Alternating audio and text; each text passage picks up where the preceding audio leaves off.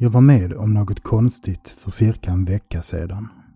Jag var på stan med min polare och vi skulle bara ströva runt och kolla kläder och fika lite.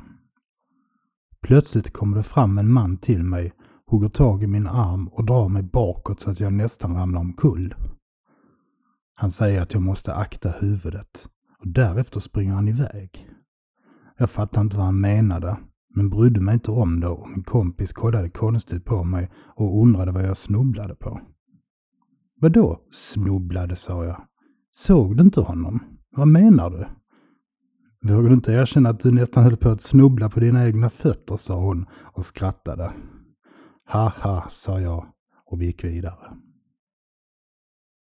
När vi kommer tillbaka till tågstationen så ställer vi oss och ska röka. Vi var tio minuter för tidiga. Vi ställde oss under ett litet tak som var gjort av takpannor och en vägg som höll upp detta lilla skydd som var gjort av tegelsten och tänder första cigaretten. Plötsligt så ropar någon mitt namn och jag går runt hörnet för att kolla efter.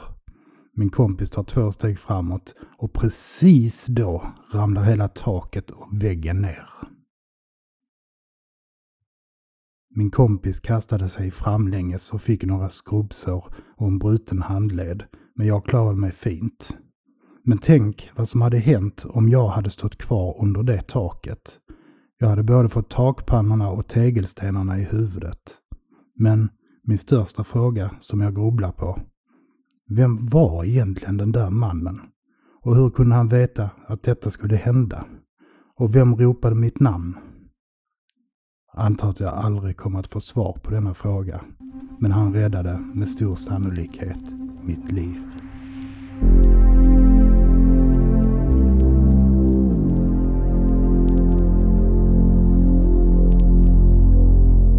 Rysligt välkommen till Spökwebbens podd. Mitt namn är Patrik Jönsson och du lyssnade precis på berättelsen Hur kunde han veta?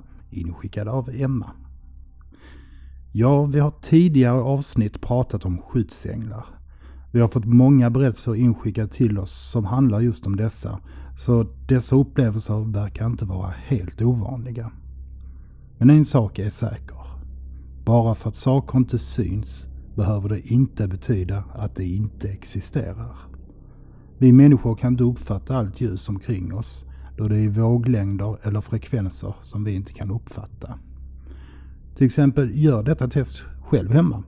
Starta din webbkamera på datorn och så tar du en fjärrkontroll till TVn och riktar mot kameran samtidigt som du trycker ner en knapp.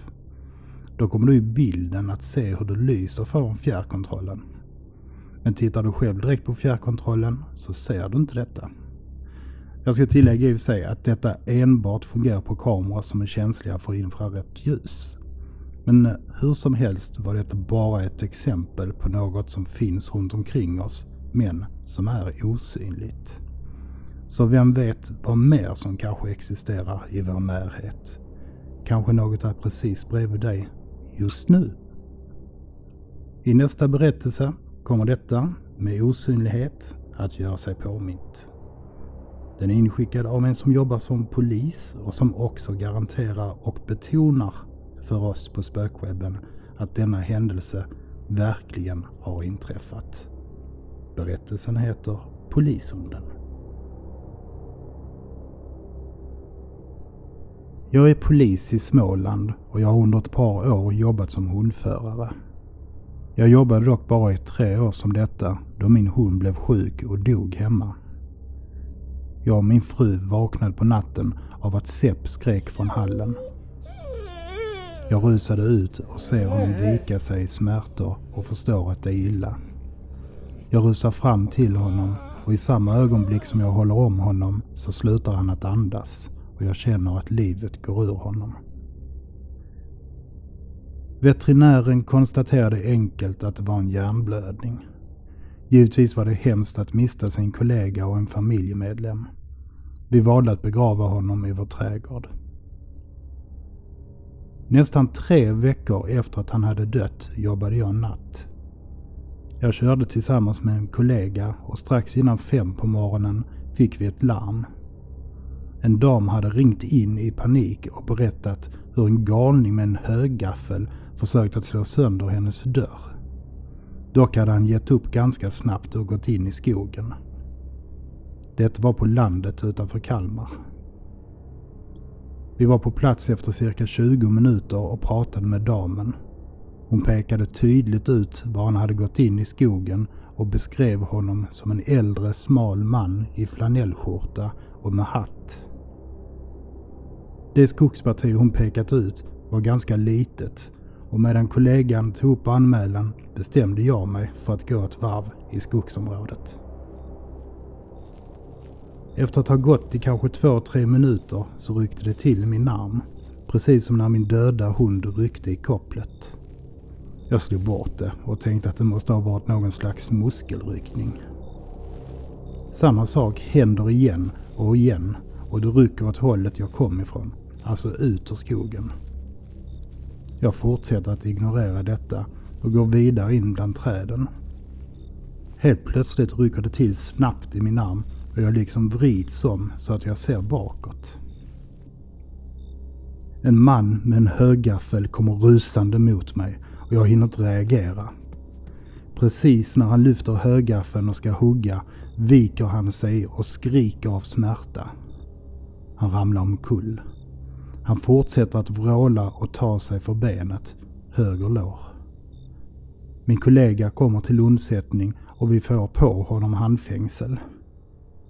Det visade sig vara ett psykfall som hade rymt från en anstalt några dagar tidigare. Nog om detta. Efter att vi återlämnat honom på arresten blev jag uppringd av yttre befäl. Han undrar om jag hade haft en hund med mig. Han visste ju att min hund var död.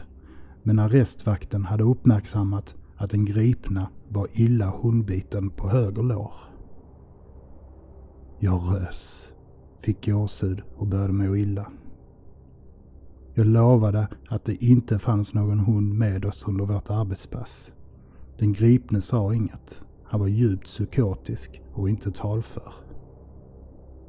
Väl hemma, strax innan åtta på morgonen, lägger jag mig i sängen och ska sova.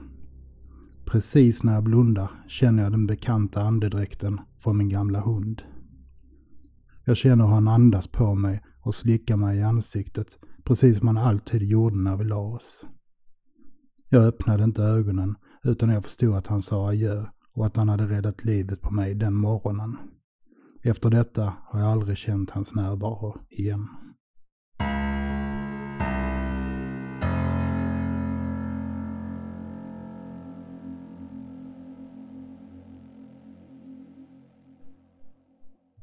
Du har lyssnat på Polishunden som är inskickad av en polis som önskar att vara anonym. Att det sägs att hunden är människans bästa vän kan man förstå efter att ha hört denna berättelse. Den är som tagen från en skräckfilm fast med ett lyckligt slut. Ja, åtminstone för polisen. Vi ska raskt hoppa vidare till nästa spökberättelse. Denna gång till ett båtvarv som ligger strax söder om Stockholm. Den heter Pusselspöket och inskickad av Kenneth. Och om ni skulle fråga mig? Nej, detta båtvarv skulle jag aldrig vilja sätta min fot i.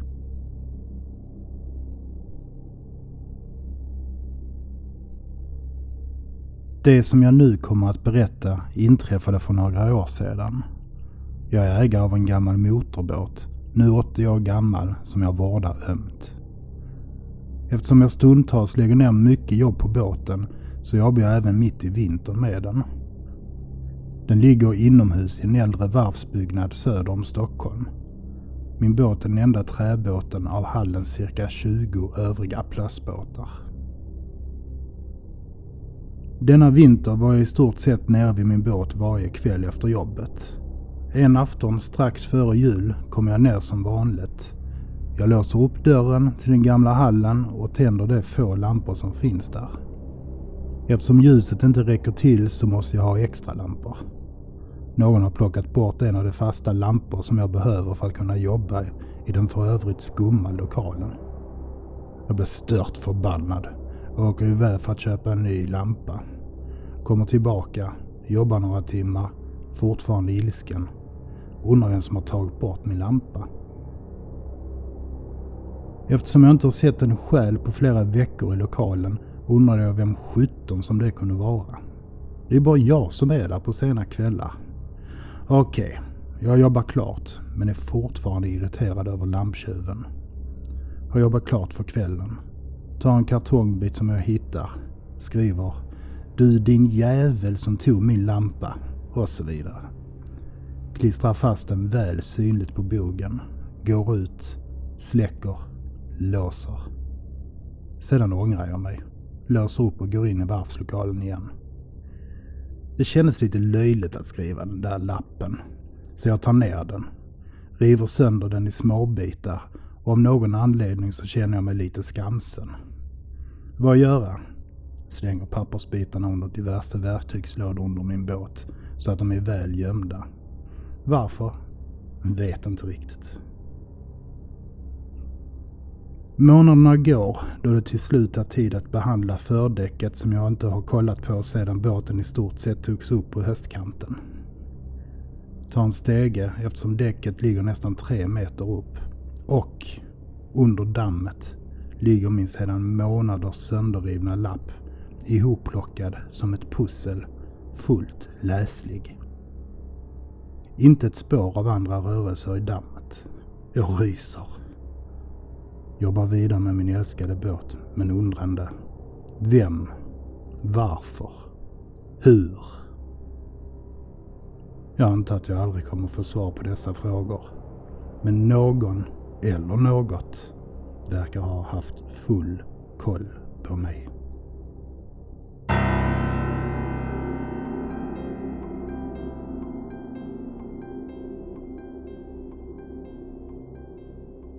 Det där var Pusselspöket inskickad av Kenneth.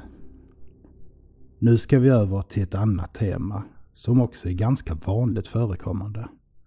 För visst har du säkert hört talas om barn som har en låtsaskompis. Den stora frågan är om det verkligen är just en låtsaskompis eller inte. Kanske kommer vi svaret lite närmre efter denna berättelse. Den heter Flickan och är inskickad av en mamma som vill vara anonym.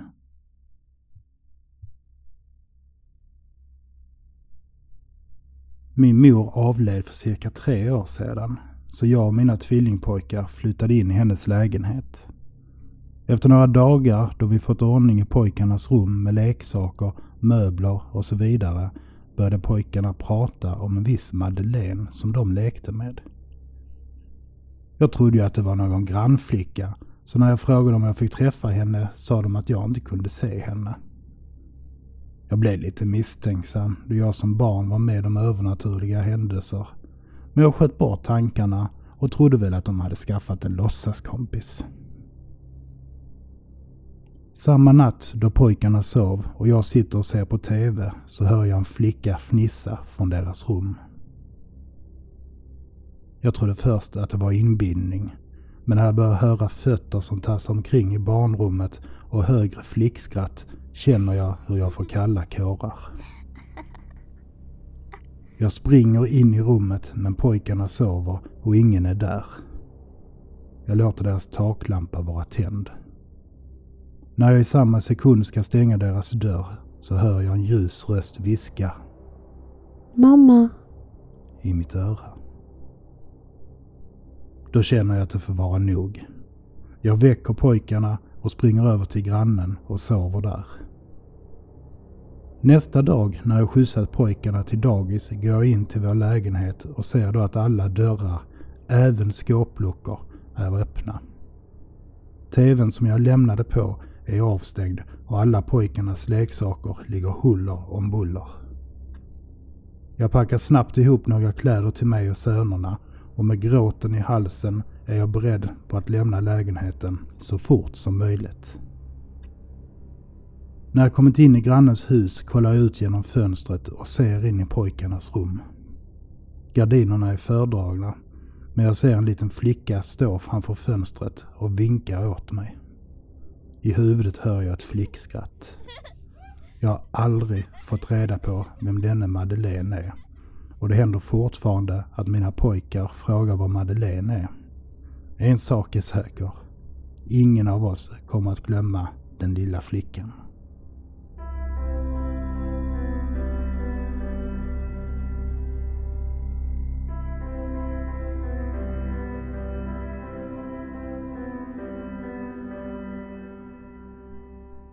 Du har lyssnat på berättelsen Flickan som är inskickad av en mamma som vill vara anonym. I detta avsnitts sista berättelse får vi än en gång en glimt av det osynliga. Eller ja, glimt och glimt. Vi kan naturligtvis inte se det. Men det gör sig till känna. Mikael och Susanna förlorade sin mamma och det är händelser i anslutning till detta som berättelsen Mamma vakar över oss handlar om.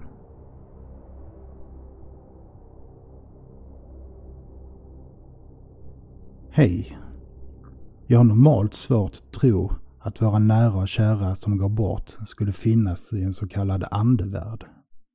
Men efter att jag själv råkade ut för detta så vet jag att det finns.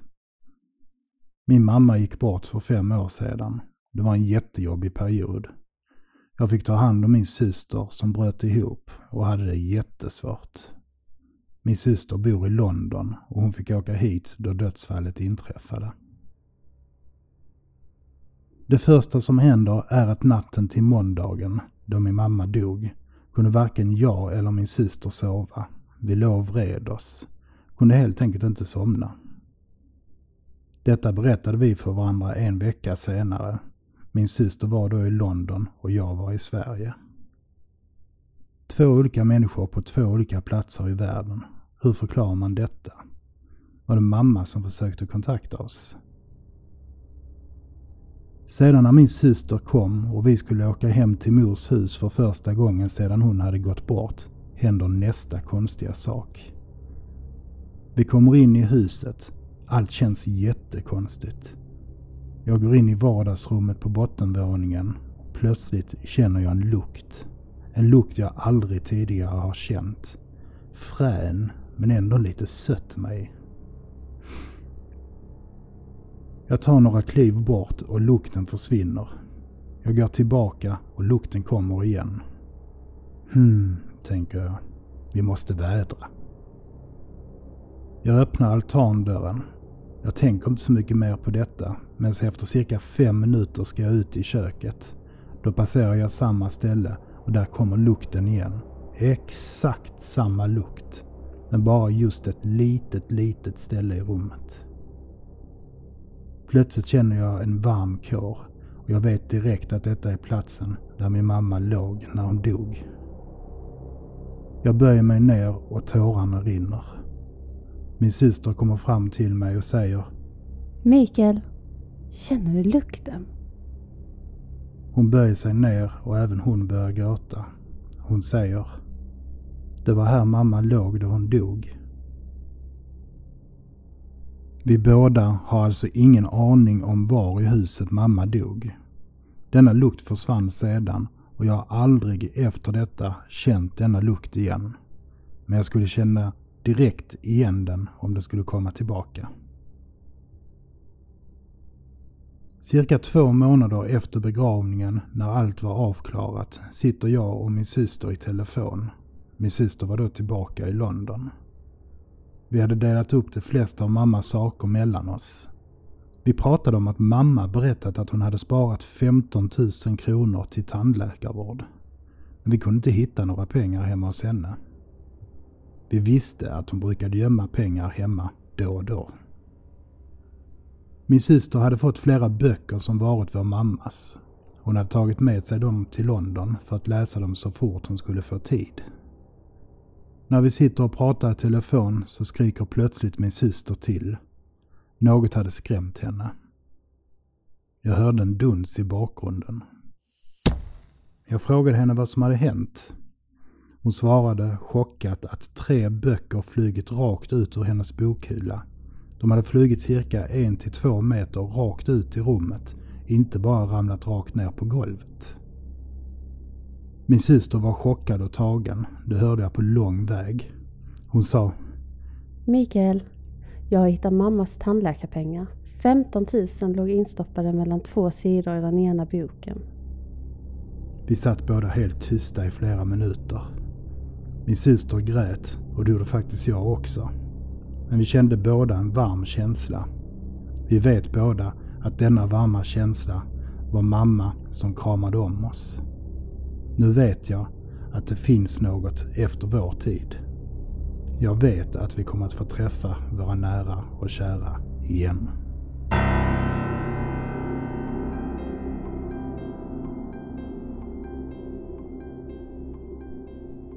Du har lyssnat på Mamma vakar över oss inskickad av Mikael och Susanna. Med det sätter vi punkt för detta avsnitt. Om du vill kommentera eller diskutera detta avsnitt så finns det en länk i beskrivningen. Och har du en berättelse som du vill dela med dig av, skicka det då till patrik.spookwebben.se Glöm inte att prenumerera och följa oss på våra sociala medier. Vi är snart tillbaka med ett nytt avsnitt. Till dess, ha det riktigt rysligt. Och du, glöm nu inte en sak. Bara för att du inte kan se saker så betyder det inte att det inte existerar eller är där. För är du verkligen helt ensam där du är nu när du lyssnar på detta? Har du tittat bakom dig? Har du tittat runt hörnet? För vem vet? Vem vet?